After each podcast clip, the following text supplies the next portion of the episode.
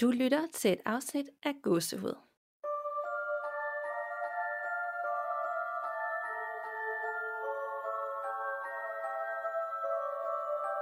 Hej Danika. Hej Nana, Det og velkommen til episode 24.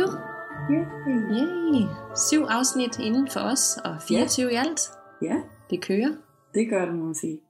Der er sket et eller andet med godset her de seneste par uger. Ja, det Altså, er der er virkelig. kommet rigtig mange nye lytter til. Der er kommet flere anmeldelser inde i øh, podcast-appen. Ja, det er dejligt. Rigtig mange i Facebook-gruppen og Instagram. Altså, det er ligesom om, at alle kollektivt har sagt, jeg anbefaler lige til en ven. Ja, nemlig. Og det, det er så fedt, man kan også se det nemlig, når vi skal sådan godkende de nye medlemmer i Facebook-gruppen. Så står der, at sådan, de har allerede to eller tre venner i gruppen. Ja, Sådan, det er Gud, ret kan man se det? Ja, det kan man se, nemlig. Det har jeg nemlig lagt mærke til. Det er ret fint. Nå, jamen så giver det pludselig Så kan det mening, mening, ikke? ja, ja. har spredt sig. Og vi rammer næsten 1000, så det kan være super fedt, hvis næste gang vi optager, at vi, at vi nåede de 1000 derinde. Ja, tu- tusind i en privat Facebook-gruppe. Altså, Det er det, det er ret vildt Ja, på en eller anden ja. måde. Altså, det, på den ene side tænker man, nej, det er ikke ret mange, men det Nej. er det bare. Ja, det er det. Det er det i hvert fald for os. Det er dejligt også, at der er så mange andre end os, der er begyndt at poste ting derinde og sådan noget. Det er super fedt at se. Ja, der er også begyndt at komme sådan små lytterberetninger Ja. derinde, hvor Ja. de bare deler om det, og så snakker vi om den, og, Ja. uh, og ja, der sker Præcis. meget derinde. Så hvis du ikke allerede er medlem af den private Facebook-gruppe, Ja. så, øh, så gå ind og anmod, og så godkender vi enormt hurtigt. Altså, vi sidder nærmest bare hele dagen og venter på. ja. sådan føler jeg sådan et sekund Ja. efter godkendt. Præcis, og man bliver bare så begejstret hver gang, man får den der notification, at Ja, ja, der er nogen, der anmoder om at være med i den. Sådan, En yay! til, en til. Ja. Men det føles også som 100 år siden, vi sad her sidst, og det er det jo Ja. ikke, men på en eller anden Nej. måde, så er der bare sket meget. ja, det er der virkelig. Har du oplevet noget hyggeligt? Det har jeg, eller jeg har ikke oplevet det på min egen krop, men her i de sidste par uger, siden vi optog sidst, der er simpelthen kommet så mange mennesker og har fortalt mig alt muligt om, hvad de har oplevet, eller nogen de kender, der har oplevet det og det og det, og sådan historier, som de har hørt, der har været ret vilde. Ikke? Og øh, det, der nok har gjort mest indtryk på mig, var jo selvfølgelig fordi, at min kusine kom og sagde, at hun er rigtig stolt nede i frokoststuen på sit arbejde, og havde siddet og fortalt om, at øh, hendes kusine laver den her podcast, der hedder Gåsehud, om alt det uhyggelige og overnaturlige. Og øhm, så var der nogle af medarbejderne, nogle af hendes kollegaer, der havde sagt, Nå, okay, men har du fortalt hende, at der spørger her? Og så har hun sagt, hvad? Spørger det her? og øhm, det er, er så almindeligt kendt på arbejdspladsen, bare for hende, at øh, der er en hel afdeling på deres kontor, der spørger, fordi deres kontor er i et gammelt nedlagt hospital. Ja, Ja. Og pudsigt nok selvfølgelig, der hvor det spørger, det er der, hvor der i gamle dage var operationsstue. Ja, og det er sådan noget med, at øh, alle de medarbejdere, der arbejder dernede i den afdeling, de er bange for at være der efter klokken 5, fordi at øh, så, så bliver stemningen, altså der er generelt sådan en underlig atmosfære i stedet, ikke? Mm. Men efter klokken 5, der kan stemningen godt blive sådan rigtig uhyggelig og underlig sådan ubehagelig. Og, øh, og der er sådan skygger rundt omkring på kon- kontoret, som de ikke rigtig Ej, kan ej. forklare jer. Og, og der er sådan en pedel på stedet, der har fortalt, at han bryder sig virkelig ikke om at være i den afdeling, fordi at øh, lyset blinker, og nogle gange er der sådan døre, der, der, der er sådan, lyder som om de åbner og lukker sig, uden at der er det. Ikke? Ja, og hvis man samtidig så er helt den sidste på arbejde, ja. Ja. og er helt alene, og så skal opleve de der ting, så bliver det bare lige tusind Ja. gange værre. Præcis, ja. ja. Men hun har ikke oplevet noget. Nej, hun har ikke selv oplevet noget, øh, men er også sådan lidt, hun, kunne godt, hun er mega nysgerrig og sådan noget, og kunne godt tænke sig lige at gå derop og prøve at mærke, om hun kunne se noget og sådan noget. Har spurgt, om jeg vil med derud og, og se, om jeg kunne mærke der noget endnu, ikke? Men ja, Vi tager da bare ud sammen, og så, øh, ja så ser vi, hvad der hvis vi sker. må, og Ja. så, så dokumenterer vi det undervejs. Ja, ja. Jeg ved ikke helt, om jeg tør, men jeg gad godt at prøve at se, om jeg, ved kunne mærke den jeg, der, Jeg tør, ja. den der trykkede stemning, om man virkelig bare Ja. kan mærke det bare ved at være i et rum. Præcis, det er bare virkelig. Det her er bare den der afbalancering imellem nysgerrighed og frygt. Ikke? Sådan, Mm. Jeg er så nysgerrig, jeg vil gerne vide det, men jeg frygter bare, hvad der er konsekvenserne af det. Ikke? Og hvis der er andre derude, der arbejder på noget lignende, eller Ja. en eller anden arbejdsplads, hvor det spøger, eller nedlagte hospitaler, eller et eller andet plejehjem, Eller, eller bor eventuelt på et sted, hvor, som har en gammel historie som noget andet end det, der er nu. Det er også super interessant Ja. at høre om. Ikke? Ja. så sig det lige videre. Ja. Jeg synes, det er meget cool, at det er en arbejdsplads, hvor man bare snakker om det, som om det er det mest normale i verden. Ja. Du ved, Det er ikke sådan en, der tænker det. Har du også oplevet det? Det er bare Nej. sådan, det er, det er acceptabelt. Det er bare Ja. sådan, det er. ja. Jeg tænker også, det må være en underlig følelse af det der med at stå op og gå på arbejde hver dag et sted, som man synes er uhyggeligt at være. Ja, og ikke vil være til efter fem. Ja. ja. Jeg skal ikke være den sidste i dag. Ja. Nej. Det er måske også en, et eller andet, øh, chefen har installeret, bare for at få dem til at arbejde mere effektivt og hurtigt, så de ikke ja. trækker en ud. Nu skal vi fandme Ja. have noget fra hånden i dag. ja. Det var lidt ledt, men ja ja, man ved aldrig. nok. Nej. Nå, ja, okay. Ja. Det var noget af en historie. ja, det var det altså. Det er ligesom om, nu, øh, nu kommer det bare til dig. Ja, Du har bare åbnet for noget, så nu, nu får du bare alle. for det her. Ja. Du bliver bare sådan et medium, hvor øh, folk læser af på dig med Ja. alle deres erfaringer og historier. ja, men det elsker jeg. Mm. Endelig. Så vi sidder derude og kender mig også, så prik mig lige på skulderen næste gang, hvis I har noget at fortælle. Og så deler du det her. Ja, det gør jeg nemlig. Jeg har desværre ikke en lige så uhyggelig historie. Det mest uhyggelige, der er sket for mig, det er noget med babyalarmen. Altså, Åh, oh, det- nej, det er også bare virkelig nervepigerne.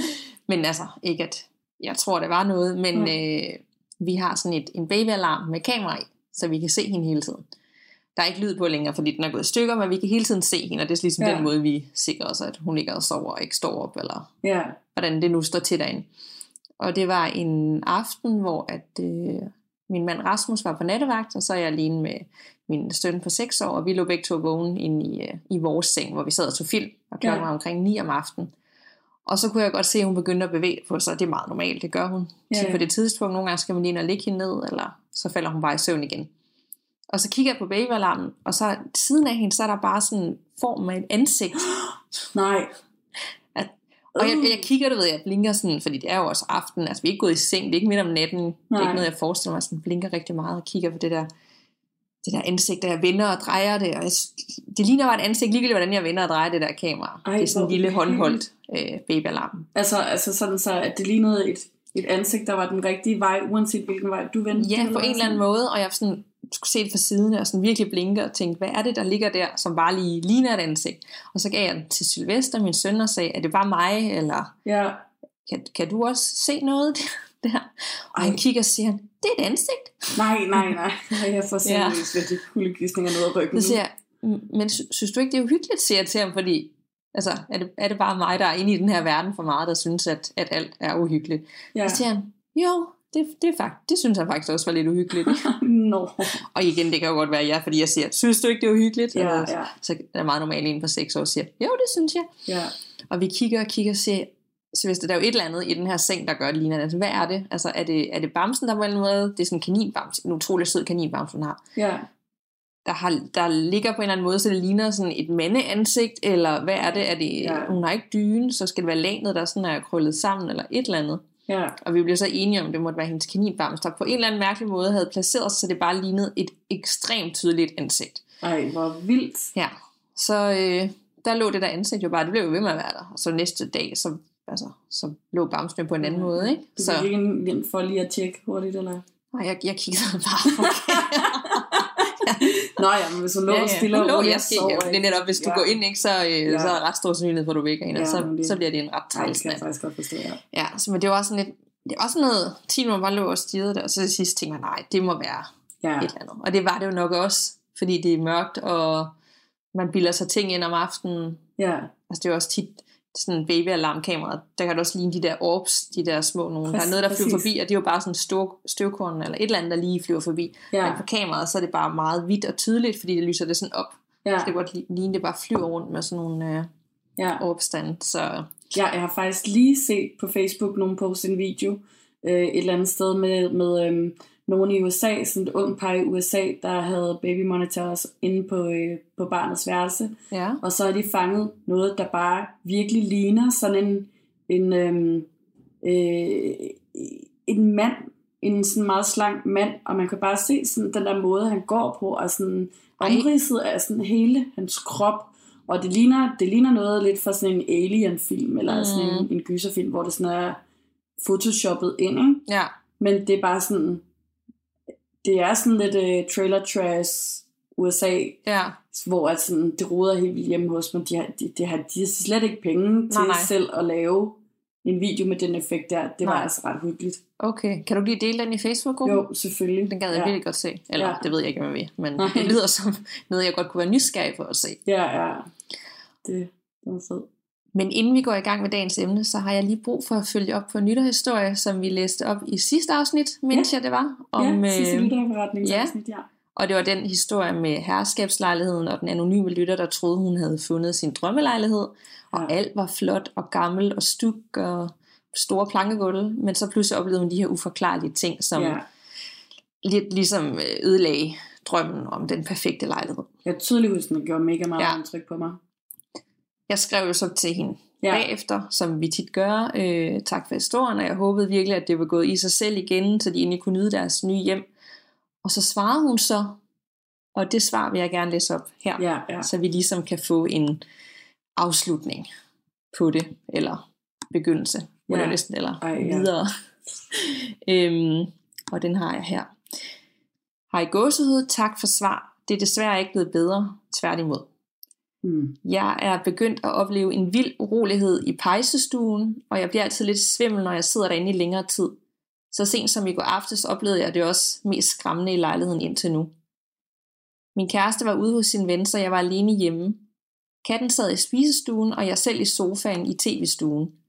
Som tidligere nævnt, så leder tv-stuen op til pejsestuen, kun adskilt af en dør. Klokken var godt og vel halv tolv om aftenen, og selvom trætheden langsomt havde taget over, så var jeg ved min fulde fem. Som I nok ved, så er jeg sindssygt varm for tiden. Det var dengang, der mm, var sådan ja. ligesom uh, heat wave. Og det var der også stadigvæk i går aftes. Som sagt, så sad jeg i sofaen, da jeg pludselig ser en mørk skikkelse. Den havde ikke en tydelig form, men lignede mere en blækklat, der var smurt ud. Høj var den dog. Jeg når kun lige at skimme det ud af øjet, før jeg mærker, at hele rummet bliver iskoldt. Nej. Hvor jeg før sad med sved på panden, sad jeg nu og frøs. Om det var fordi min krop reagerede på frygten, eller fordi der var en reel temperaturforskel, ved jeg dog ikke. Lettere angst sad jeg forstenet med blikket rettet lige mod pejstuen, hvor jeg sekunder før så, hvad jeg troede var en skikkelse. Efter at have sundet mig nogle sekunder, rejste mig op for at gå. I kender det nok, men der er intet mere sikkert end sengen og gemme sig under dynen. Nej. Jeg kom ud i gangen og nærmest løb mod soveværelset, da jeg så hører banken på væggen i gangen. Meget højt banken. Det var tydeligt, at det ikke kom hverken op eller nedefra, men nærmest som om der sad noget i væggen og bankede. Med tårer i øjnene spurgte jeg ind i soveværelset, smækkede døren i og ringede grædende igen til min kæreste, som igen måtte lege held og skynde sig hjem. Ja. Da han var kommet hjem, og jeg var faldet til ro, kom temperaturforskellen igen, og rummet blev igen helt koldt. Sekunder efter kan jeg høre en galopperende i gangen, hvilket viser sig at være min kat, der kom løbende og krassede for livet løs på døren, som om den var bange. Resten af natten brugte jeg, min kæreste og min kat på værelset, alle sammen gemt under dynen. Det var det sidste og værste, der er sket i lejligheden, og jeg må indrømme, at trods den er smuk og idyllisk, så vil jeg ønske, at vi aldrig var flyttet herind. Oh. Jeg sidder nu i smug og kigger efter nye lejligheder og noget helt nybygget, så jeg forhåbentlig undgår at tisse i bukserne af skræk igen. Nej, det er jeg ked af at høre. Mange godshedsknus fra den anonyme lytter. Ja. Så det var lige en øh, opfølging på sidste uges historie, hvor man tænker, nu kan det ikke blive værre, men det kunne ja. det så. Ja. Der er tydeligvis noget, der ikke vil have den der. Ja, det virker i hvert fald sådan. Det, øh, ikke at det er for ondt, men Nej. der er en eller anden, der måske ikke er helt tilfreds med situationen, når de går ja. og laver om, eller ja, ja. whatever. Og måske også især møntet på hende, fordi ligesom det kan blive bedre, når kæresten er hjemme. Ja, nemlig. Det er tit noget, hun oplever selv. Ja, det er virkelig synd øv. Ja, altså. det er ret øv, når man har fundet drømmelejligheden. Præcis. Jeg håber, at det stopper, eller man kan gøre noget for ligesom at... Ja, få en forbi og ja. ligesom øh, sige, hvad det er, eller kunne befri ja. det, der er, og sende videre. Hun kunne i hvert fald overveje, om det var noget, hun ville prøve. Inden... Mm. Jeg tænker også lige at skrive til hende om, Ja. Fordi den her, hun sendte mig opfølgende for Ja. nogle øh, uger siden.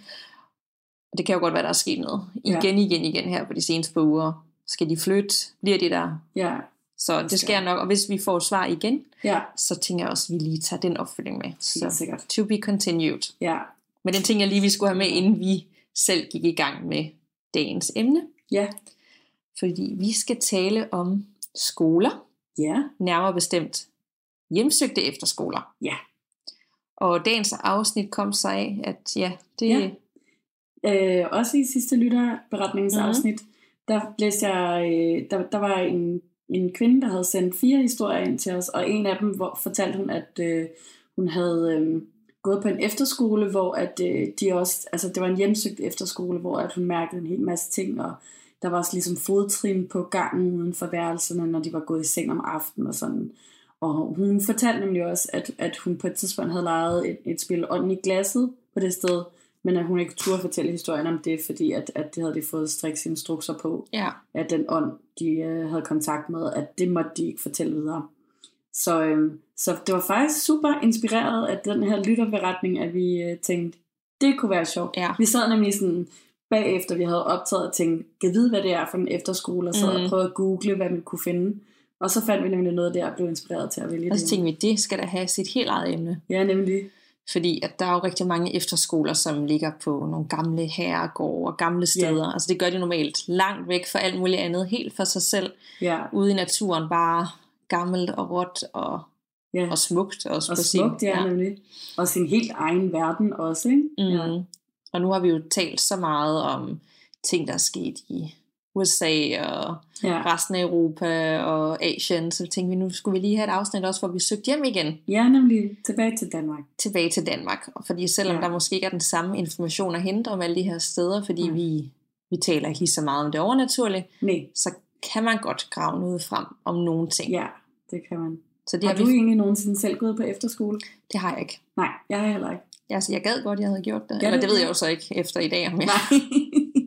men det havde jeg en idé om, at Ja. jeg godt ville dengang. Men det, Ja. ja. det kom jeg aldrig. Har du? Nej, jeg- kom direkte i gymnasiet efter folkeskolen. Ja. Så hvis der er nogen derude, der har gået på efterskole, altså det er jo ikke ens betydning med, at Nej. Alle efterskoler er hjemstøgt, og alle har oplevet noget, men det kan godt være, at der er nogle vandrehistorier om de Ja. efterskoler, man har gået på, Det Eller- tænker jeg, der må være masser af. mm, eller bare et eller andet, man ikke kunne forklare, Ja, eller man gerne vil sige, der skete ingenting, alt var som det skulle være. præcis, ja. Så sig endelig til. Ja, Øh, Men inden vi lige springer også til dagens emne, så husk endelig at anmelde Gåsud Podcast i din Ja. podcast-app. Vi har fået ret mange nye anmeldelser siden sidst. og det er simpelthen så dejligt. Det er så dejligt. Vi havde et mål Tusind om, tak. ja, vi havde et mål om 30, vi fik 36, eller. Ja. er vi på lige nu. Og jo flere vi får, jo flere når vi ud til, og jo flere engagerer sig og sender lytterberetninger ind. Så jeg tænker, det gavner alle. Det gør det. Ja. Men det er ikke noget, vi gider at bruge forfærdelig meget tid på at sige, fordi jeg tænker, at folk Ja. derude venter på dagens emne. Præcis, ja. Skal jeg lægge ud med at fortælle? Jeg gerne. Ja. Jeg har fundet frem til øh, Brejning Efterskole, som ligger i et virkelig, virkelig smukt område i Børkop og ved Vejle Fjord. Og øh, det ligger i en bygning, hvor at selve det, der er efterskole, det har været et tidligere kvindehjem tilbage i starten af, øh, af 1900-tallet. Og øh, det, den bygning, det er, har nemlig været en, en afdeling i øh, ånd for, åndssvagforsorgen. Og øh, det her område, det ligger i, har været sådan et større område, hvor der også blandt andet var et øh, mandehjem og et øh, tuberkulose-sanitarium, hvor der i dag blandt andet også er museum, hotel og restaurant og alt muligt andet. Er det kommet? Ja, lige Ja, ja, nøjagtigt, ja. ja. præcis, som, som du har været på. Ja. ja præcis. Kælders Park. Ja, lige nøjagtigt. Ja. ja, fordi det var nemlig en af de her såkaldte kælderske anstalter. Øhm, de er blevet grundlagt af øh, læge og psykolog Christian Keller. Og øhm, de her kælderske anstalter er nok allermest kendt for, øh, for anstalten, der lå på Sprogø. Øh, der sendte man nemlig løslupne, altså lidt sindige kvinder til og steriliserede dem. Og, øhm, og man havde en tilsvarende anstalt på en ø, der hedder Livø, hvor det så bare kun var mænd. Ikke? Og øhm, det var nemlig sådan der i starten af 1900-tallet, at, øh, at man så dårlige gener øh, som en trussel for hele menneskehedens fremtid. Så øh, der troede man, at det ville være bedst at sørge for, at, øh, at mennesker, der for eksempel var udviklingshemmede, øh, født med en deformitet, øh, var handicappede eller havde andre øh, former for udfordringer, at de ikke skulle have børn, og så de ikke fik reproduceret alle de her dårlige gener, de havde. Øhm, og det var sådan noget, man kaldte race- og social hygiejne, at mm. man Mm. ligesom lugede ud i det, man ikke synes, man ville. Det kan føre det langt ud. Det er fuldstændig Så, ja. sindssygt langt ude. Og så mange år er det jo heller ikke siden. Nej, det er det nemlig ikke. Altså, og det, det er virkelig frygteligt og meget op i tiden igen nu lige her, fordi at, øh, at øh, Mette Frederiksen er kommet med den her undskyldning til godhjemmesdrengene. At øh, sådan, vi, vi, der er nemlig stadig mange kvinder, der lever i dag, der har, der har boet på de her anstalter, mm. som er blevet steriliseret. Sådan, de fortjener jo også at få en undskyldning Ja. for den behandling, de har fået. Mm. Ikke? Det har været forfærdeligt i den tid. Øhm, og øhm, i det hele taget, så brugte man også mange af de her beboere på øh, at eksperimentere med forskellige former for behandling og medicinering. I håb om, at sådan, altså, det var faktisk et ægte håb om, at man kunne kurere dem for, hvad de nu havde at kæmpe med, øhm, og gøre dem til bedre mennesker. Men, men faktisk var mange af de her metoder noget, der mere mindede om tortur end, end rigtig hjælp. Ikke? Øhm, og det har selvfølgelig givet de her stakkels beboere nogle frygtelige, frygtelige traumer i deres liv, og øhm, givet dem en masse fysiske skader også. Ikke? Øh, Brejning her, vi skal til, var så den gode af de tre kælderske anstalter. Det heldigste sted, man kunne havne. Øhm, det var der, hvor at, at behandlingerne ikke var lige så ekstreme og voldsomme, som de var på for eksempel Sprogø og Livø. Mm. Øhm, det var nemlig det her sted, man brugte øh, til at vise omverdenen og sådan ligesom profilere sig på, at se, se hvor gode vi er, hvordan vi tager os af de her mennesker, og hvad vi gør for hele menneskeheden her. Ikke? Mm. Ja. Var det kun kvinder, der var der? Nej, det var, der, der lå, dele. ja, altså den bygning, hvor der er øh, efterskole, er, var rent for kvinder. Man okay. adskilte dem altid, ikke? Mm. Og der har jo været en masse problemer med det også, at øh, de her mænd og kvinder har jo, sådan, de har jo haft deres drifter og så videre, så de har jo også blandet sig. Mm. Så medmindre at man steriliserede dem, så kom der jo også de her uønskede graviditeter og alt sådan noget. Ja. Så det har jo været virkelig, virkelig slemt. Øhm, og øhm, i området, der ligger der også et kæmpestort gravsted, hvor man så begravede de beboere, der var der på stedet, og de ansatte samme sted. Men øh, man så jo ligesom ikke øh, beboerne for at være noget som helst værd. Så de fik bare sådan nogle meget beskedne små trækorser uden navn eller noget på. Øhm, hvorimod at medarbejderne så fik nogle af sten. ja. Og øh, den dag i dag, så alle de her trækors er jo gået til øh, af vejr og uvejr og så videre. Ikke? Og, øhm, Så der er ingenting. Nej, der er kun et enkelt kors, der er bevaret. Og øh, der, der har været forskellige kulturminister inden for de sen, seneste 10 år også op og sådan gerne vil have en plan om, at man skal have et ordentligt mindesmærke for, for de her stakkels mennesker, som har mistet livet, mens de, de boede der på hjemmet. Ikke? Ja. Ja. Så det, ja, Det må vi håbe kommer.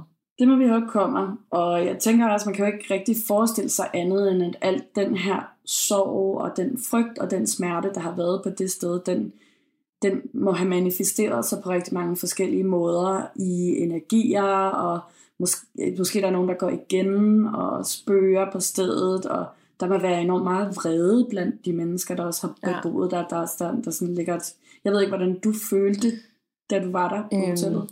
Øhm, altså, det, jeg sov ikke godt den nat. Nej. Men jeg sov en dag i sådan en hestens seng, som er jo en af de dyreste senge, man overhovedet kan få. Ja. Ja. Jeg ved ikke, om fordi sengen bare generelt er vildt dårlig, eller at der er en mærke, altså du kan godt mærke, at det er gammel, gammel, gammel bygning. Ja, Modsat mange andre spa-hoteller, ikke? hvor det er meget ja. Ja. nyt. Altså, så var det, der var en mærkelig stemning. ja, Og vi gik jo også tur i området, ja, da de havde lavet sådan en guided tur, de anbefalede, man gik på. Og der gik vi forbi det der pigehjem. ja, Jeg vidste ikke, det var en øh, efterskoledag, eller der, stod, Nej. der står et eller andet i de der brosyrer, man får udleveret om, at, hvordan det har været. ja, Og det er jo et enormt smukt område, men ja, jeg skænkede jo ikke en tank, hvad der var sket.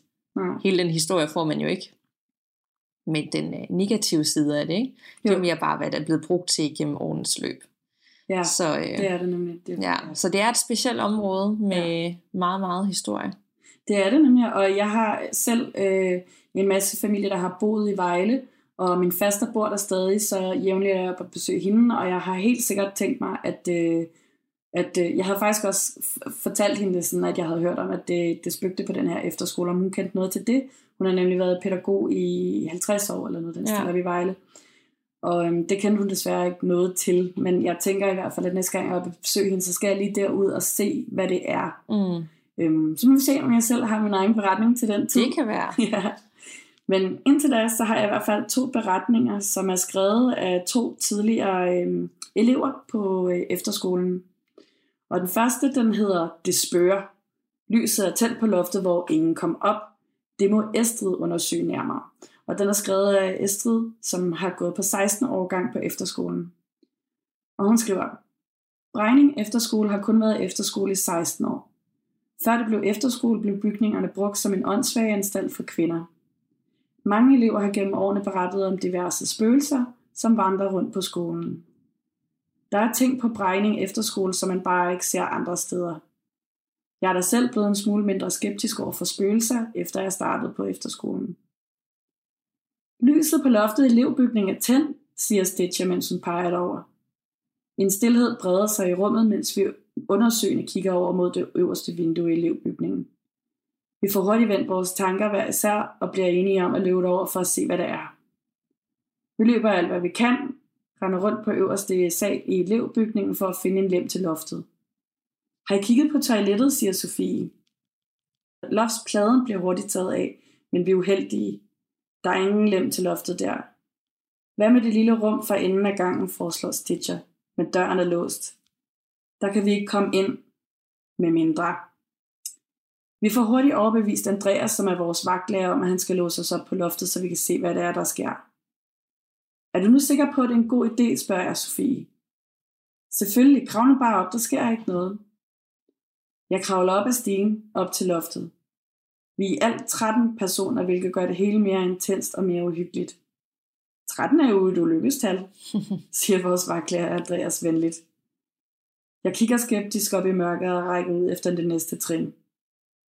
Vi finder mange mystiske ting, gamle aviser og blade. Det hele er spændende, men også uhyggeligt på samme tid. Jeg holder mig tæt på Stitcher, hvis nu et spøgelse skulle komme forbi. Til sidst er det blevet tid til at tjekke hovedbygningens loft. Det er dobbelt så stort, dobbelt så uhyggeligt og dobbelt så mørkt. Med langsomme skridt kravler jeg forsigtigt op ad trappen, og jeg mødes af vel af mørke. Prik, prik, prik. Så der var ingen lys. Der var ingen lys. Ej, det er den der klassiske, hvor man ser lyset være tændt et sted, Ja. og så man kommer hen, så er det ikke. Nej. Jeg ved, hvad det Det var. har jeg ikke lyst til overnat. Nej, det har jeg heller ikke. Ja, den anden historie hedder Spørger det virkelig på værelse 8, og den er skrevet af Rikke, som gik på 13 år gang. Rikke, Rikke, må vi godt sove her hos dig i nat, lyder Sina og Malenes skævlende stemmer. Klokken er 22.30, og de burde egentlig ligge i deres senge. Men de står i min døråbning og ligner nogen, der har set døden. Det er weekend, og det spørger på værelse 8. Det spørger på Malene og Sines værelse. Det mest skræmte piger, man kan finde på skolen, er simpelthen blevet sat på værelse sammen, og så oven i købet på værelse 8. Deres værelse var engang et øh, kontraktgruppe køkken, og det siges, at der døde en pige derinde. Lærerne siger selvfølgelig, at det ikke passer, men vi er nogle meget mere skeptiske. Inden på hvidt værelse begynder Malene at forklare, hvad det var, der skete derinde. Først begynder lovflammen at blinke, til sidst går lyset helt ud i den. Lidt efter går lyset i vores sengelamper også ud. Det var bare så uhyggeligt, Rikke. Selvfølgelig giver jeg de to redselslagende piger lov til at sove hos, hos mig. Malene ligger oppe i min seng sammen med mig, og Signe ligger på gulvet. Alt går fint, indtil min natlampe også lige pludselig midt i det hele går ud. Det er bullermørkt på værelset. Sines hånd strammer hårdt omkring min, og Malene klamrer sig fast til mig. Der er ingen af os, der tør rykke sig. Hvad i verden skal vi gøre? Vi får langt om længe lyset igen, og øh, ligger og hyggesnakker lidt. Jeg skriver en sms, men lige inden jeg skal til at sende den, går lyset min mobiltelefon ud. Telefonen virker stadig, men lyset er bare helt forsvundet. Så nej, det handler altså ikke bare om løse forbindelser her. Det endte med, at vi alle tre sov i min seng, godt klemt sammen. Det var selvfølgelig super hyggeligt, men også rigtig uhyggeligt. På værelse 8 spørger det stadig. Sina og Malene tør ikke være derinde, og vi ved stadig ikke, hvad vi skal gøre ved det. Nej, Ja, et helt år på ja. værelse 8. Ej, det må være så langt, forfærdeligt ja. ja. kan vide, hvorfor de ikke kan få lov til at skifte værelse. Det er nok, øh, er de ikke altid fyldte, sådan nogle øh, efterskoler. Jo. Eftertragtet. Der er nok ikke bare lige en masse tomme værelser med senge og møbler og det hele. Nej, og der er sikkert ikke nogen, der har lyst til frivilligt at bytte med nogen. Nej. Og lærerne var sådan, hold nu op med at snakke om det der. Ja. Altså, det findes jo ikke. Nej, Kom det videre. jeg selv ind. Ja. Ja, ja, det er noget af en øh, oplevelse. ja, det må man sige. Så hvis der er flere, der har sådan nogle oplevelser derude. Ja, Jeg gad altså godt, der var nogen, der har gået på den her efterskole, der lige kunne sige, præcis. sådan her var det faktisk også. Det gad Ja, jeg også. Også, jeg også også dig, der sendte den der historie, øh, de her fire historier, hvor du selv havde gået på efterskole, hvor, det, hvor du spøgte. Hvis du har lyst, så skriv endelig til os igen og fortæl os, hvad for en efterskole det var. Tænk, Og- hvis det var den her. Ja, det er jo det. Det kunne være spændende. Ja, men du har også været Ja, efterskole. eller hvis det er den, jeg skal fortælle om. Ja, Øhm, det sjove er jo som sagt, at vores to efterskoler minder utrolig meget om hinanden Ja. på navnet. Fordi din hedder Brejning Brejning Efterskole, og den jeg skal tale om hedder Brejninggård Efterskole. Ja, Altså også ret forvirrende, ja det er det. at de skal hedde næsten det samme. Præcis. Jeg tænker, der er ret mange efterskoler i Danmark, men det er lige de to, som øh, er ekstra meget hjemsøgt. Ja, og det var selvfølgelig også sådan, at nogle af historierne blev kludret sammen, men der har vi heldigvis lige fået... Vi har styr på det. Ja, Og jeg valgte den her efterskole, da det er en af de mest kendte herhjemme, når det kommer til hjemsøgte steder i Danmark. ja. Og skriver man Brejninggård på Google, er et af forslagene faktisk Brejninggård spøgelser. Den er Ja. sådan i top 5. Så jeg er nok ikke den første, der Nej. skulle lige finde ud af noget. Efter sine så skulle stedet være hjemsøgt af en blå dame, en hvid dame og så den udsultede mand. Ja. Men mere om det senere, fordi vi skal lige først snakke lidt om historien Ja. bag efterskolen. Fordi ligesom Brejning, så er det mange, mange år gammelt. Og det her, det er en gammel herregård ved Spjald i Vestjylland, midt mellem Ringkøbing, Skjern, Herning og Holstebro. Hovedbygningen, der omgives af dybe, velbevarede voldgrav og skov, og som vi kender den i dag, den er opført omkring Mm. 1580, så det er ret mange år siden. Ja, Dog går grunden og omgivelser omkring Brejninggård endnu længere tilbage, fordi den har faktisk øh, sin oprindelse helt tilbage i 1200-tallet. nå, Det var jeg ret im- imponeret over, ja, men øh, ting er bare nogle gange lidt ældre øh, ja, i Jylland. Den blev oprindeligt bygget som et munkekloster, og Christian 3. han øh, pantsatte så herregården, så den blev solgt til kendte adelsnavne som Lange og Skram. Så hvis man hedder Lange eller Skram til efternavn ja. derude, så har man faktisk oprindelse med nogle... Nå, hvor vildt. Ja, Og død uhyggeligt, både med munkekloster og øh, voldgrav. ja, den har det hele. Ja, Den ligger jo også stadigvæk på sådan en med søer og vand rundt omkring Ja. og sådan noget. så. Øhm, gennem årene så har Brændinggård oplevet mange omvæltninger, ombygninger og fornyelser. Herregården ejede i gammel tid 65 gårde og havde et areal på 3-4.000 tønder land, og hvor en stor del af det var hede, så det er et kæmpe område, som bare ligger for sig selv. Ja, I 1926 der var herregården dog ret forfalden, og derfor så overtog noget, der hed Statens Jordlovsudvalg godset, der blev indrettet som et udflugtsmål med restaurant. Så det blev sådan et sted, man kom og, og hyggede sig. ja, Stallene og vognporte og avlsbygningerne, de blev revet ned, og så herregården står sådan den dag, som det gjorde for derfra, den dag i dag. ja. Nytårsaften 1930, så brændte den store lade sig ned, men øh, brandmajoren var taget på ferie, og han havde taget nøglen med til sprøjtehuset, så der var ikke så meget at gøre. Nej, Det fungerede lidt på en anden måde. nej, ja, det må man da sige. Øhm, derefter så var der øh, en lokal kreds på 700-800 familier. Det er ret mange, Ja, kan sige, en lokal kreds. Men øh, de købte simpelthen i 1942 Brændinggård for 53.000 kroner. det var billigt. Ja, især når man er 7-800 familier. Det lyder ret meget. øh, og formålet var så allerede der at indrette herregården til en efterskole Okay. i 1942. Ja. Der besluttede man det.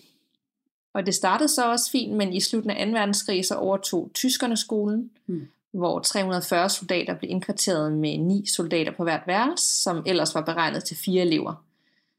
Inden krigens slutning blev der også indlogeret flygtninge, men allerede i sommeren 1945 så modtog skolen elever igen. Så Ja. den havde lige nogle år, hvor at, øh, tyskerne var der, og soldaterne. Så Ja. det har altså været mange forskellige faser med munkekloster og herregård, øh, tyskerne og flygtninge, og så de her elever på efterskolen. Ja, Den nuværende sydfløj blev opført derefter 2. verdenskrig og senere idrætshal og elevhus og spisesal kommet til. Men hovedbygningen, som stadig bruges den dag i dag, det er den fra 1580. ja, Og den er ligesom bibeholdt, som det var dengang. Og det er også derfor, der er så mange Mm. ting, der er sket der. ja, I mange år, der var eleverne delt op med piger om sommeren og drenge om vinteren. Øh, men i dag så er det selvfølgelig bare blandet. Lidt ligesom du havde i din historie? Ja. at det var delt op. ja. Og øh, den er kendt som en af de mest populære, mest populære efterskoler øh, i området. Og jeg fornemmer lidt, at efterskole generelt er meget populært, og det er noget, ja. der bliver reddet væk. Ja. Det var i hvert fald også, da jeg gik i skole. At, øh, også da jeg gik i skole, der var mange fra min klasse, der stod videre på efterskole. Præcis, og man skulle ligesom være heldig, hvis man fik plads for dem, man vil. Ja. Men der er plads til 140 elever i dag, og det er 8., 9. og 10. klasses trin, mm. som de kører med. Men det, der fik mig især til at dykke dybere ned i Brændinggård Efterskole og historien bag, det er det her tv-program, der hedder Er der nogen? Som nogle af jer måske kender derude. Ja. Yeah. Ja, det er faktisk ikke et program, jeg kendte så meget til, før at Gåsehud startede, hvor nogen tippede ja, om det egentlig. Slet ikke, at Nej. det eksisterede før Gåsehud her. Nej. Og det er et program med flere sæsoner og mange afsnit, ja. hvor de besøger alle mulige hjemsøgte steder i Danmark og ja. overnatter der og undersøger ting om natten. Ja. Simpelthen. Og de besøgte så Brændinggård Efterskole for et par år tilbage. Og det afsnit, det ligger frit tilgængeligt for alle. Og jeg vil gerne gengive lidt af det, de oplevede den nat. Ja. De her to spøgelsesjæger var forbi, øhm, og uddybe lidt om de her spøgelser, som der efter sine skulle bo på Brændinggård. Og man kan også se afsnittet helt selv, og det vil jeg også anbefale, at man gør bagefter. Helt sikkert. Programmet er opbygget sådan, at ham, der sådan speaker, giver de her to spøgelseserier en konvolut med en destination hver, og så skal de så overnatte og dokumentere nattens optagelser. Ja. Og som så mange andre herregård, så har Brændinggård også sine spøgelser, blandt andet Den Blå Dame.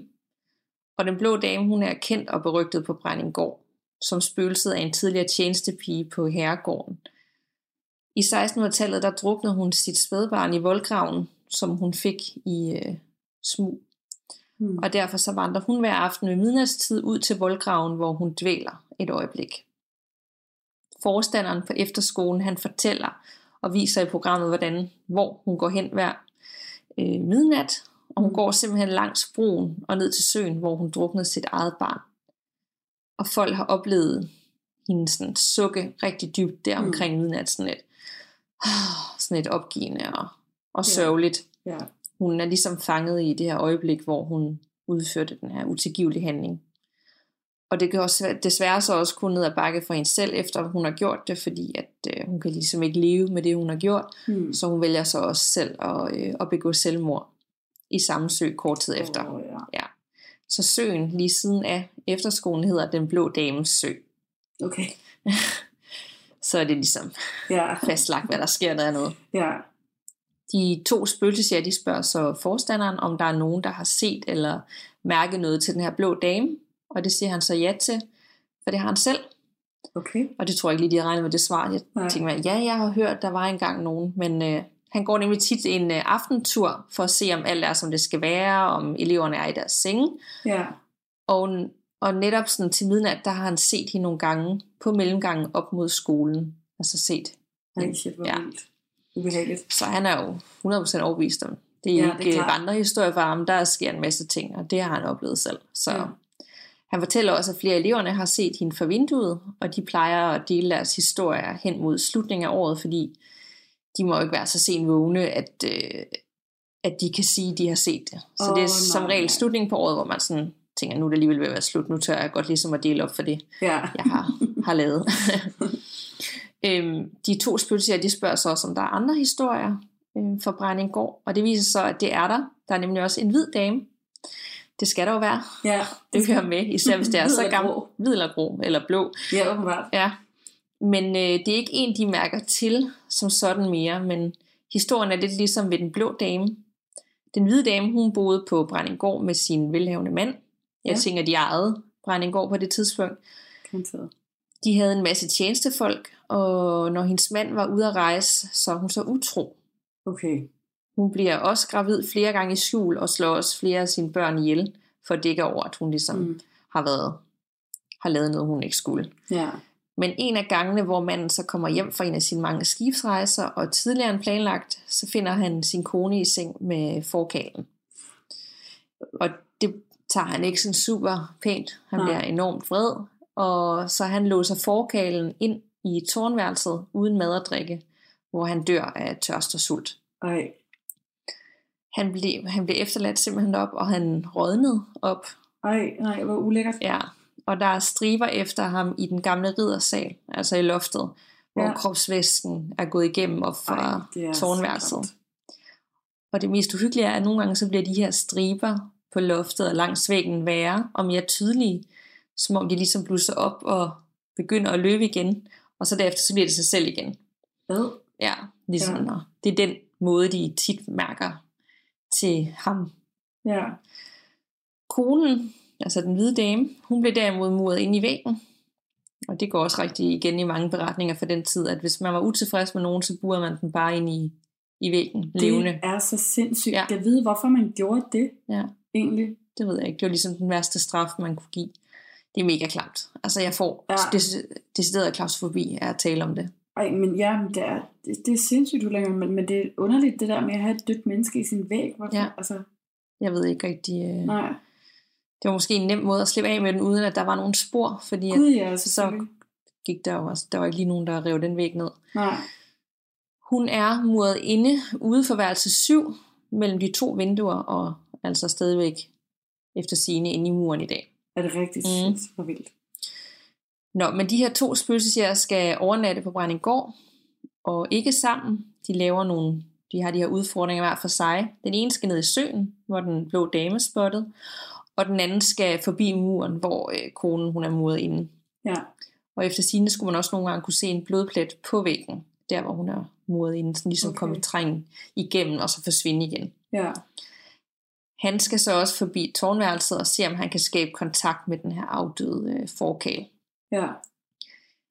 Det eneste, de har med, det er det der kamera med et lys i. Altså, der er ikke noget kamerahold, der følger dem. De er helt alene. Man har bare et kamera i hånden. Også night vision. Ja, præcis, som lyser lidt op. Der er ikke, de har ikke lommelygter eller noget som helst. Nej. Og det er midt om natten. Og det er mens efterskolen er lukket Ja. øh, for elever selvfølgelig. ja. Så der er ikke andre på. Heller ikke forstander. Han bor et hus siden af. Okay. Og så har, han, eller har de nogle redskaber til at måle noget aktivitet. Det er lidt forskelligt, hvad de har med hver gang, men den her gang, der har de sådan en, har de bare en øh, diktafon, der kan opfange selv de mindste lyde, man ikke engang selv hører, for ligesom at snakke ud i rummet, og så se, hvad der ligesom kommer igen. Ja. Og der sker selvfølgelig nogle ting, og nogle øh, fodtrin, og nogle lyde, og et hej og sådan noget, men jeg vil ikke afs- det hej? det er. Jeg vil ikke afsløre for meget af afsnittet, eller hvad de finder ud af, fordi jeg synes faktisk, man skal have lov at ligesom se det også selv. Ja. Øhm, men der sker Ja. nogle, nogle ting, og det er jo ikke nødvendigvis sådan, at de decideret ser øh, den blå dame, eller den hvide dame, eller den udsultede mand. Men Nej. øh, ja, der sker lidt forskellige ting, og ellers så kan det være en måde at starte på alle de her afsnit. Jeg har i hvert fald selv tænkt mig, at jeg skal til at dykke mere ned i Ja. det her. De er sådan 25 minutter lange, og det er overskueligt, og det er en masse forskellige steder rundt omkring i Danmark. Helt og man lærer alt muligt om steder, man aldrig har hørt om. Ja. Jeg skal nok lægge hele afsnittet ind i den private Facebook-gruppe, så hvis du ikke allerede er med- medlem, så skynd dig ind og anmod, og så godkender vi. Og hvis man selvfølgelig har boet på en efterskole og oplevet noget forklarligt, eller Ja. Brejning, eller Brejning går efterskole, så sig til, skriv til os, eller skriv på Instagram eller Facebook, så Præcis. vi ligesom kan høre om det. Ja. Det vil være ret sejt. Det ville det nemlig. Så det var to efterskoler, hvor øh, der sker, eller er sket nogle tragiske ting, Ja. og der stadigvæk sker en masse aktivitet. Nemlig. Ja. Ja, ja. Mm. Men øh, det kan være, at vi skulle have videre til lytterberetningerne. Ja, lad os gøre det. Og jeg har en her Ja. fra Isabel, og den er lang, så men på en god måde. Ja, ja. Hej Danika og Nana. Først og fremmest et kæmpe tak til jer for en vanvittig uhyggelig podcast. Tak. ja. tak for det. Jeg har altid været fascineret af det overnaturlige, dog med en sund portion skepsis og rationel tankegang. Derfor vil jeg gerne bringe min egen lytterberetning, for da dette skete, kunne jeg på ingen måde rationelt forklare, hvad der foregik, og det kan jeg stadig ikke den dag i dag. Det skete for syv år siden i august 2012. Det var for mig personligt en rigtig svær tid, da jeg i juli 2012 mistede min far meget pludseligt. Jeg var tynget af sorg og søgte derfor meget trøst hos mine veninder. En af disse veninder tilbød mig, at jeg kunne komme på weekend hos hende og hendes kæreste ude på deres gård lidt uden for Kastrup på Amager. En gammel, rustik, firlænget gård, hvor min venindes kæreste samt hans familie havde hver sin længe, og med både får, kaniner, høns og mus i høet, ligesom det skal være. Hmm. Jeg har været der flere gange før, og også overnattet, hvor jeg har lagt mærke til sære lyde og knirken og banken, Men da det er en gammel gård, har jeg altid selv synes, at jeg kunne bortforklare lydene. Men lige den her nat vil jeg sent glemme. Vi havde alle tre haft en lidt hård dag. Selvom vi forsøgte at hygge os, så var stemningen generelt tung og præget af sorg. Det skal lige nævnes her, at min venindes kæreste en måned før mig også havde mistet sin far, så tilværelsen var for os alle ret trykket. Da vi skal til at sove, fortæller min veninde mig, at de har fået installeret lydsensorer i huset, så man kan gå på toilettet om natten uden at skulle famle efter stikkontakterne i mørket. Jeg har altid været typen, der skulle op og tisse om natten, så det var rart at vide, at jeg ikke skulle tænke på at få tændt lyset. Toilettet ligger nemlig i stueetagen, og der er soveværelse samt kontor, hvor i jeg sov, det ligger på første sal. Kontoret var nærmere det åbne rum, så man kom direkte ind i, når man kom op ad trappen, så der var ingen døre eller noget mellem trappen og hvor jeg lå. Jeg lagde mig til rette og faldt i søvn med min venindes hund i fodenden på madrassen. Cirka klokken 3, klokken 3, det er altid klokken 3, Ja. bliver min søvn forstyrret af, at lyssensoren ved siden af trappen tænder. Jeg vågner og undrer mig lidt, men forsøger bare at lægge mig til at sove igen, da trappen nu knirker mærkeligt. Ligesom når nogen går på den. Pludselig kan jeg se, at sensoren i den anden ende af trappen også tænder i takt med, at den sensor op ved mig går ud. Det næste jeg hører er en dør, der knirker nedunder, og endnu en gang kan jeg se lys, som kommer fra en sensor dernede. Jeg bliver en smule forvirret, men tænker, at det nok er hunden, der er i gang. Hmm. Det er så lige indtil jeg opdager, at den ligger for enden på madrassen, dog ude på gulvet nu og sover. Jeg er normalt ikke bange af mig, så jeg står op og går ned under. Jeg er jo vant til, at der er lyde på den gård. Sensorerne fungerer som de skal og følger mig ned ad trappen og gennem huset, og jeg benytter lejligheden til at gå på toilet. Der er helt stille, da jeg kommer ud. Jeg kigger mig lidt omkring, men kan intet se eller høre. Jeg går derfor ovenpå igen, men denne gang virker ingen af dem. Der er ikke en af dem, der tænder, når jeg går forbi, og det synes jeg godt nok er mærkeligt. Men jeg undgår at famle efter stikkontakt og går ovenpå i mørke. Da jeg lægger mig på madrassen, kan jeg pludselig høre knirken fra døren igen nedunder. Efterfulgt af en sensor, der tænder. Lyset bliver stærkere, og pludselig bliver der helt stille, ligesom hvis man forestiller sig at være i et vakuum, der varede i flere sekunder, og så bliver stillheden brudt af en høj lyd, af voldsomme skridt op ad trappen, som om nogen løber op, og sensoren op med mig tænder. Min venindes hund vågner og ligger nu og knurrer, hvilket hun ellers aldrig gør, og jeg er lammet af frygt. Jeg kan huske følelsen af, at luften nærmest blev slået ud af mig, og jeg sad bare tilbage med den her tomme med en redselslagende fornemmelse, ude af stand til at bevæge mig. Det føles som om jeg sidder der i evigheder, men min krop vågner indeni, og jeg kan tydeligt huske, hvordan det snorede mine fingre og tær, og hvordan hårene havde rejst over alt. Hvis tilstedeværelsen af ondskab kunne føles, så er jeg sikker på, at det var sådan her, det ville føles. Det eneste, der gjorde mig tryg, var, at min venindes hund stadigvæk lå ved mig, og jeg tog hende op på madrassen til mig og prøvede at falde til ro. Tankerne kørte rundt, og jeg prøvede igen og igen at forklare det med noget rationelt. Men så går sensoren af igen, og på præcis samme måde som første gang. Først op for mig, så for enden af trappen, så et andet sted i huset. Det næste, der sker, var så uhyggeligt, at jeg får det fysisk dårligere at skrive det her. Nej, nej, det kan nærmest ikke blive værre, Nej. tænker jeg. Pludselig lyser de alle sammen på én gang. I samme øjeblik starter min venindes vækkeur med at ringe. Nej, nej, nej. Alarmen på ovnen nede under tænder, og deres anlæg med alarm i os blæser radiomusik ud for fuld smadre. Og oven i det kan jeg igennem det åbne, åbne vindue op på kontoret høre den gennemtrængende lyd af, at alle forne der bræger løs, og min venindes hund begynder også at gø helt ustyrligt. Jeg sidder seriøst med gåsehud lige nu. Ja, det gør jeg virkelig også. Altså, det, det er helt vildt. Ja. Øh, der vågner både min veninde og hendes kæreste. Han styrter ned under for at slukke apparaterne. Hun kommer ud til mig og beroliger hunden. Og nu, efter at have hørt, jer, hørt jeres podcast, bliver jeg endnu mere utilpas ved at skrive, at det her, det skete. Klokken var 03.33, da det skete. Det er jo lige præcis der. Det er Ej, Devil's Hour, ikke? Ja, ja. Vi tænder alt lys. Min venindes kæreste har tøj på og går en runde indenfor og udenfor, men der er ingen tegn på, at der har været nogen. Alle døre er låst, og det eneste åbne vindue var det oppe på kontoret ved mig. Jeg fortæller om det, jeg oplevede i løbet af natten. Min venindes kæreste tror ikke så meget på det, og forklarer det med, at der må have været nogle strømforstyrrelser, mm. som havde forårsaget det med både alarmerne og, og lyset.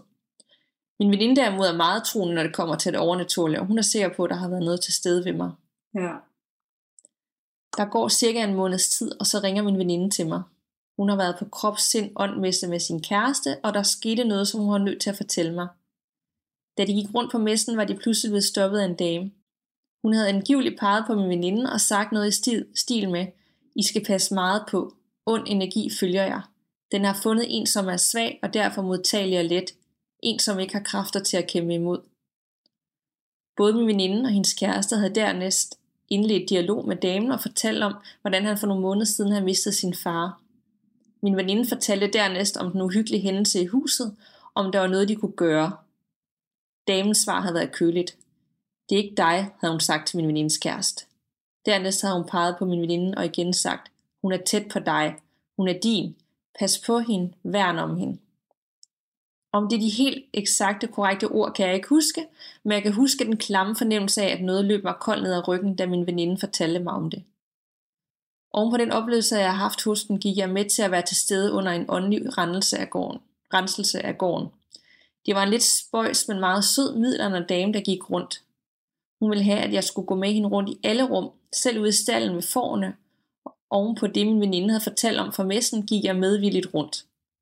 Hun bad den om at lade os være i fred på en blid og behagelig måde. Efterfølgende fortalte hun, at hun havde fornemmet mange energier, men særligt for en ung dreng på cirka 10 år, en ældre dame samt en mandlig soldat. Dernæst sagde hun også havde fornemmet en mørk og tung energi, som hun ikke kunne sætte ansigt på.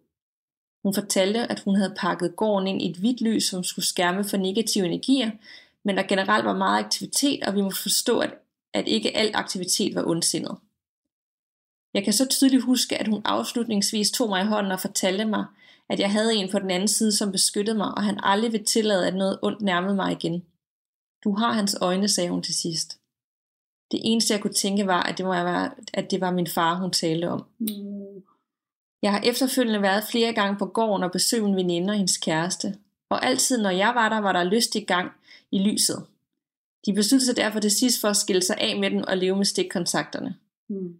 Men selvom vi alle fortsat hører knirken, skridt og så lyset fra det, så oplevede jeg aldrig igen det mørke, som jeg oplevede den nat.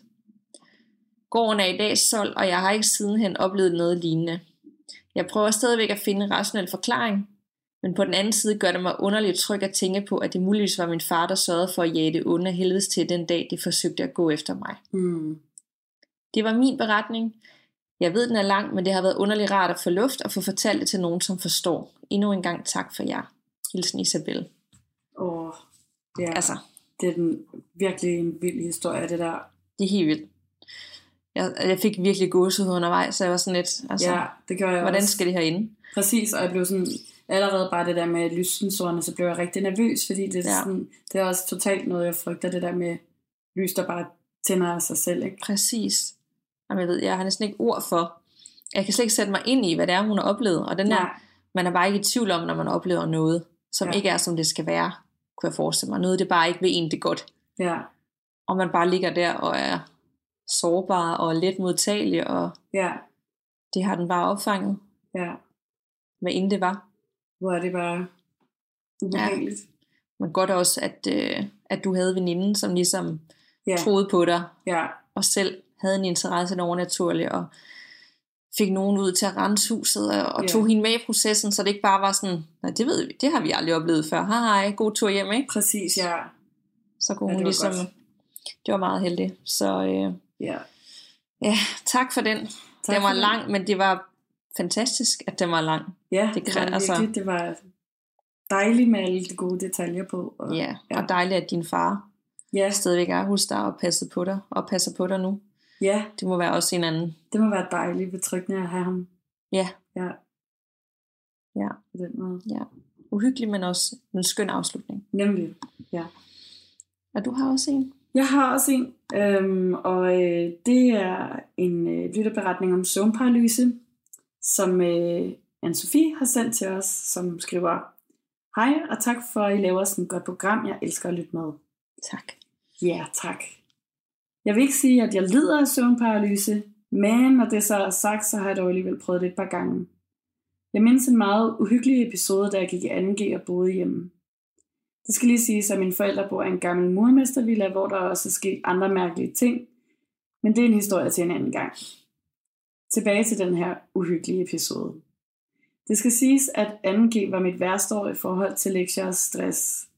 Jeg var meget presset og til tider ked af det. Omkring november måned, og øh, jeg går i seng en aften ved 23-tiden.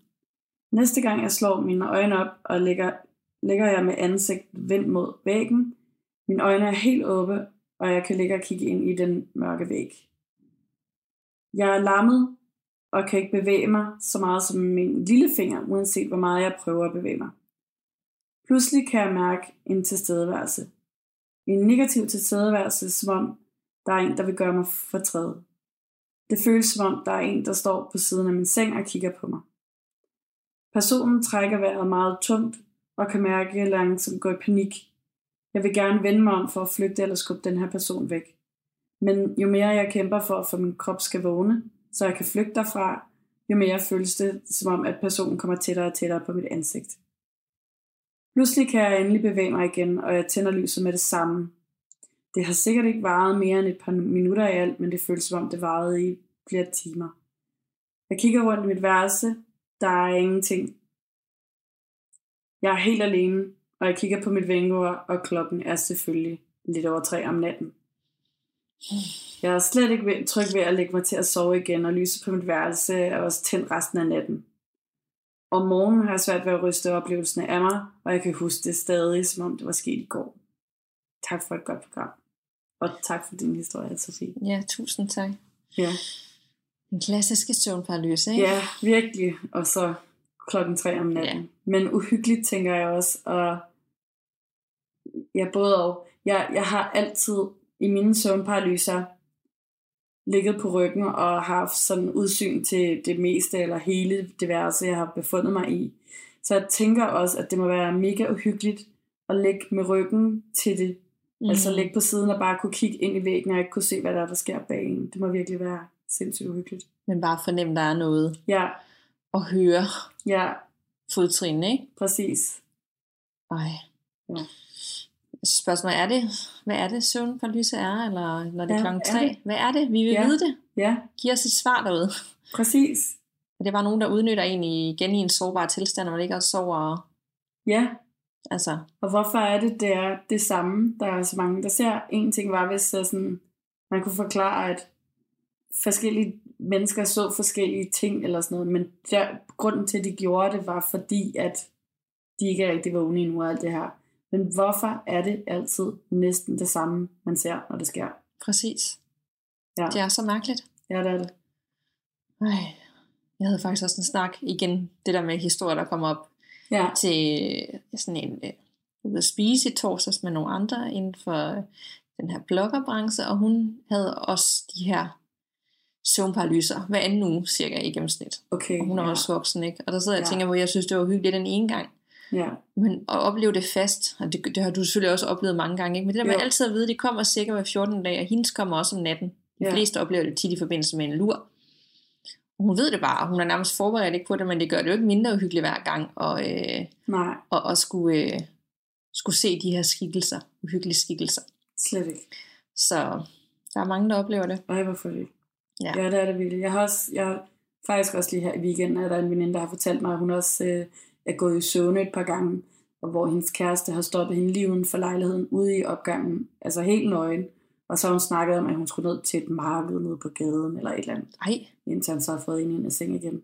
var hun nået helt ud i opgangen? Hun var nået helt ude i opgangen, ja. Nej, Men heldigvis ikke noget ned ad trappen og ud af, ja, det er så vildt. ja, For normalt så vågner man, når man går ud af hoveddøren ved et eller andet, der ligesom også siger, okay, der er et eller andet, der ikke er, ja. som det skal være, jeg skal lige tilbage. Jamen noget har jo også gjort, at hun ikke er gået videre end til bare lige ude for en lejlighed. Ja, ja. Men, ja, Ej, hvor vildt.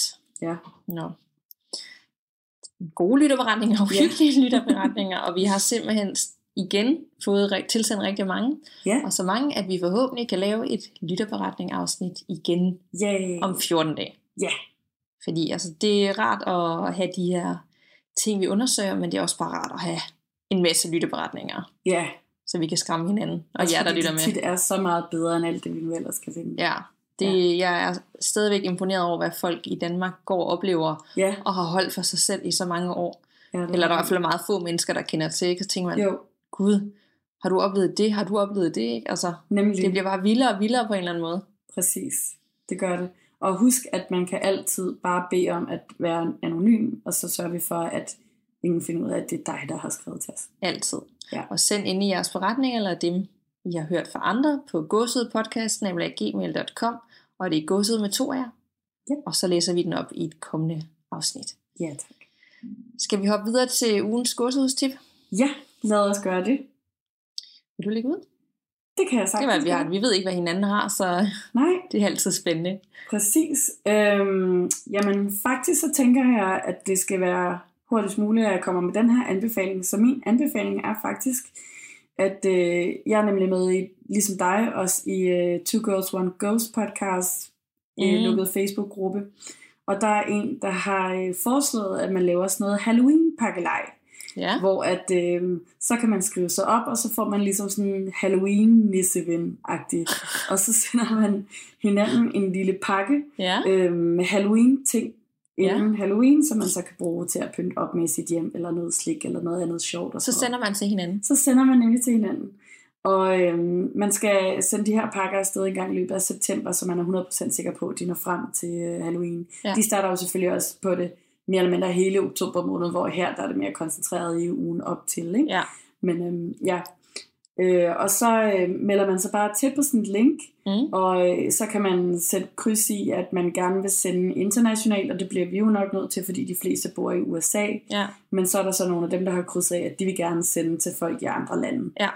Øhm, så ja, Har du meldt dig til? jeg har nemlig meldt mig til. Ja. Har fået en øh, gyser pindeven? ja ikke nu, men Oh. der, der kommer sådan en trækning her om ikke så længe, Ah. hvor de så sætter folk sammen, der kan sende til hinanden. Ikke? Ej, hvor sejt. Mega, så jeg glæder mig helt vildt meget, og jeg tænker, at jeg vil lige sende linket til den her øh, pakkelej Mm. ind i øh, Facebook-gruppen, sådan så at andre også kan melde sig til, hvis, øh, hvis de har lyst til det. Jeg er mega spændt på, hvad du modtager. Ja, det er jeg nemlig også, og sådan lidt nervøs også, fordi jeg skal også sørge for at finde en, en god pakke. Prøv at tænke, hvis det er en af de der øh, boks, hvor de har, der ligger alle mulige sådan knogler i, og hår ja. fra, fra en afdød og sådan noget, og så åbner du den, og så åbner du bare, så er det dit hjem bare fyldt med, Ej, ja, det kunne så virkelig tror du bare, det er et eller andet øh, ondskabsfuldt. Halloween-pynt, og så lige pludselig, så har du bare en, øh, en ånd derhjemme. Ja, ej, det håber jeg ikke. Jeg håber, ej, jeg håber at øh, Ja, ja. Eller, der kommer vel nogle regler på et eller andet tidspunkt om, altså, være, Det- der er, jeg, jeg mener, det er, jeg kan ikke huske, om det er 20 eller 50 dollar eller noget, sådan cirka, det Okay. det skal koste. Okay, det bliver spændende. Det må vi lige følge op på, når du engang modtager det. Ja, Også hvad Det du selv skal sende til din. ja, Hedder det, hvad hedder det? Hvad kalder de det? Halloween? Øh... ja det, altså den hedder Elfster, det er den, den der side, okay. De har lavet det på, som er sådan en nisseven, ikke? Så men jeg tænker, at vi skal have fundet på et godt ord for en Halloween-nisseven. Okay. En spøgelsesven. Spooky friend. Mm. Det bliver spændende. Ja. Jeg ved ikke, hvor meget nyhedsværdi mit godsudstip har. Det er måske mere en reminder, fordi om nogle uger så udkommer et part 2. Mm. Ja. Ja, og jeg taler selvfølgelig om genindspilningen af den oprindelige gyserserie om øh, Pennywise, der tager form som en klovn og terroriserer byen Darius, børn og unge. Han kidnapper dem ned i kloakken, og de fleste af jer kender den nok. Det er filmatisering af Stephen Kings kultroman fra 1986. Og part 2, den kommer så i biografer landet over den 5. september. Ja. Og jeg glad du har også set part 1, ikke? Jo, Af det har jeg. den nye fortolkning. Og det har jeg også, også biografen, og den var fuldstændig fantastisk. Ja, det var det var helt vildt så god Ja. var, og uhyggelig. Præcis. Og kapitel 2, det foregår 27 år efter den første. Ja. Og de vil så følge de her unge mennesker, som sidenhen er blevet voksne, øh, for at bekæmpe det onde i form af dræberkloven Pennywise. Ja. Og så fandt jeg ud af, at filmen faktisk ende med at blive den bedst indspillende gyser nogensinde. Nå, Altså den nye fortolkning, Den nye part 1, fortolkning, med ja. Det vidste jeg 680 millioner dollars wow. på verdensplan. Så det er da alligevel, det siger mig lidt om, hvor ja, populære og gode de er. det må man sige. Jeg tænkte mere, det var en reminder, fordi de fleste lytter med her har Ja. nok allerede set den, og skal måske allerede ind og se øh, part 2. Ja. Men så fejrer vi da bare, at det er om få uger, den udkommer, og Ja. vi kan gå i biografen og se. Helt sikkert. Jeg så faktisk også, øhm, jeg mener, at det er den her øh, gyserfilmsfestival, der hedder Blodig Weekend, der er Mhm. en gang om året i København primært. Øhm, at de vist nok har en øh, forpremiere, eller, eller også bare en premiereaften, hvor at jeg mener også, det er Empire Biograf, altså kan man komme, og så ser man del 1 først, og øh, Nå, ja, så er der lidt bag kameraet scenen. Hvornår er det? Også. Og det var muligvis den 5. september. Det var en onsdag, mener Okay. jeg sagt. Ja, det må vi lige følge op på, og så få skrevet ind i Facebook-gruppen. Ja, jeg Nå, kan det lyder spændende. Der, ja. Nå, jamen, øh, det Ja. var en god og uhyggelig snak. Det var det i hvert fald. Og vi lyttes ved derude. Pas på, man ved jo aldrig, hvad der venter bag den næste dør.